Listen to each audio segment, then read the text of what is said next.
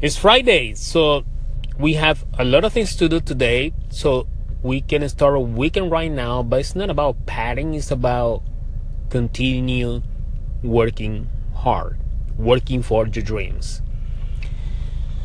I don't know if you have realized that we have a serious problem with society and on how do we measure success how we measure success because we still we still struggle with things in school, with things in college, with things in university, even in, in, in our professional life.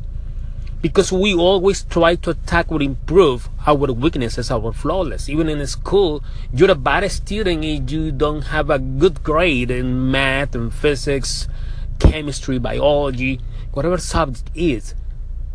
But what about art? What about dancing? What about theater? What about other subjects where you're good at. Why we are hit harder for things we are not good, and for the things we are good at, we don't get any reward or any recognition for that. So that's a that's a big problem in society because we cannot force somebody to fit in one subject to fit in one position when that person doesn't fit there, doesn't belong there why we are forcing ourselves to fit where we don't belong to. Why?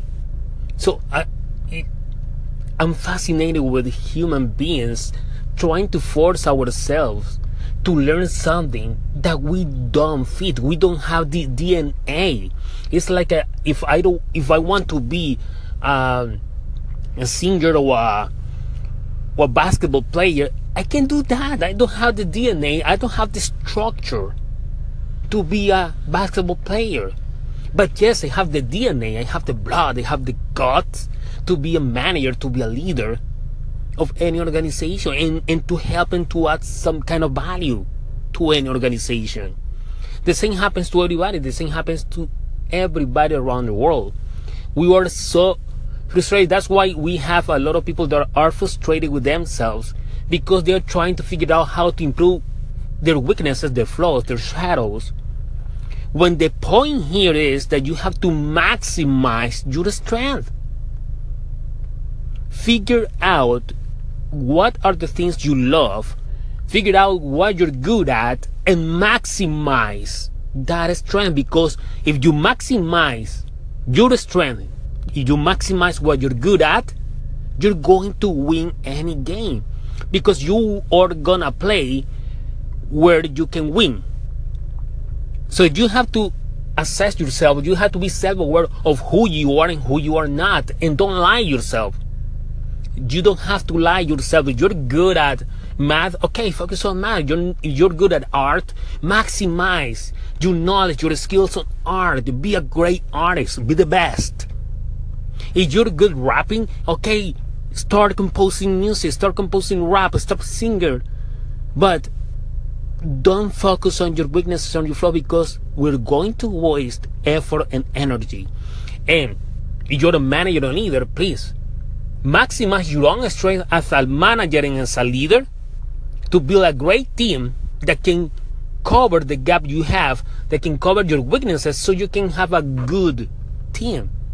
Build a great team based on their own strength if you have guys that are good at packing and you they're not good at processing something or attending customer so you have to work with people that are good at that.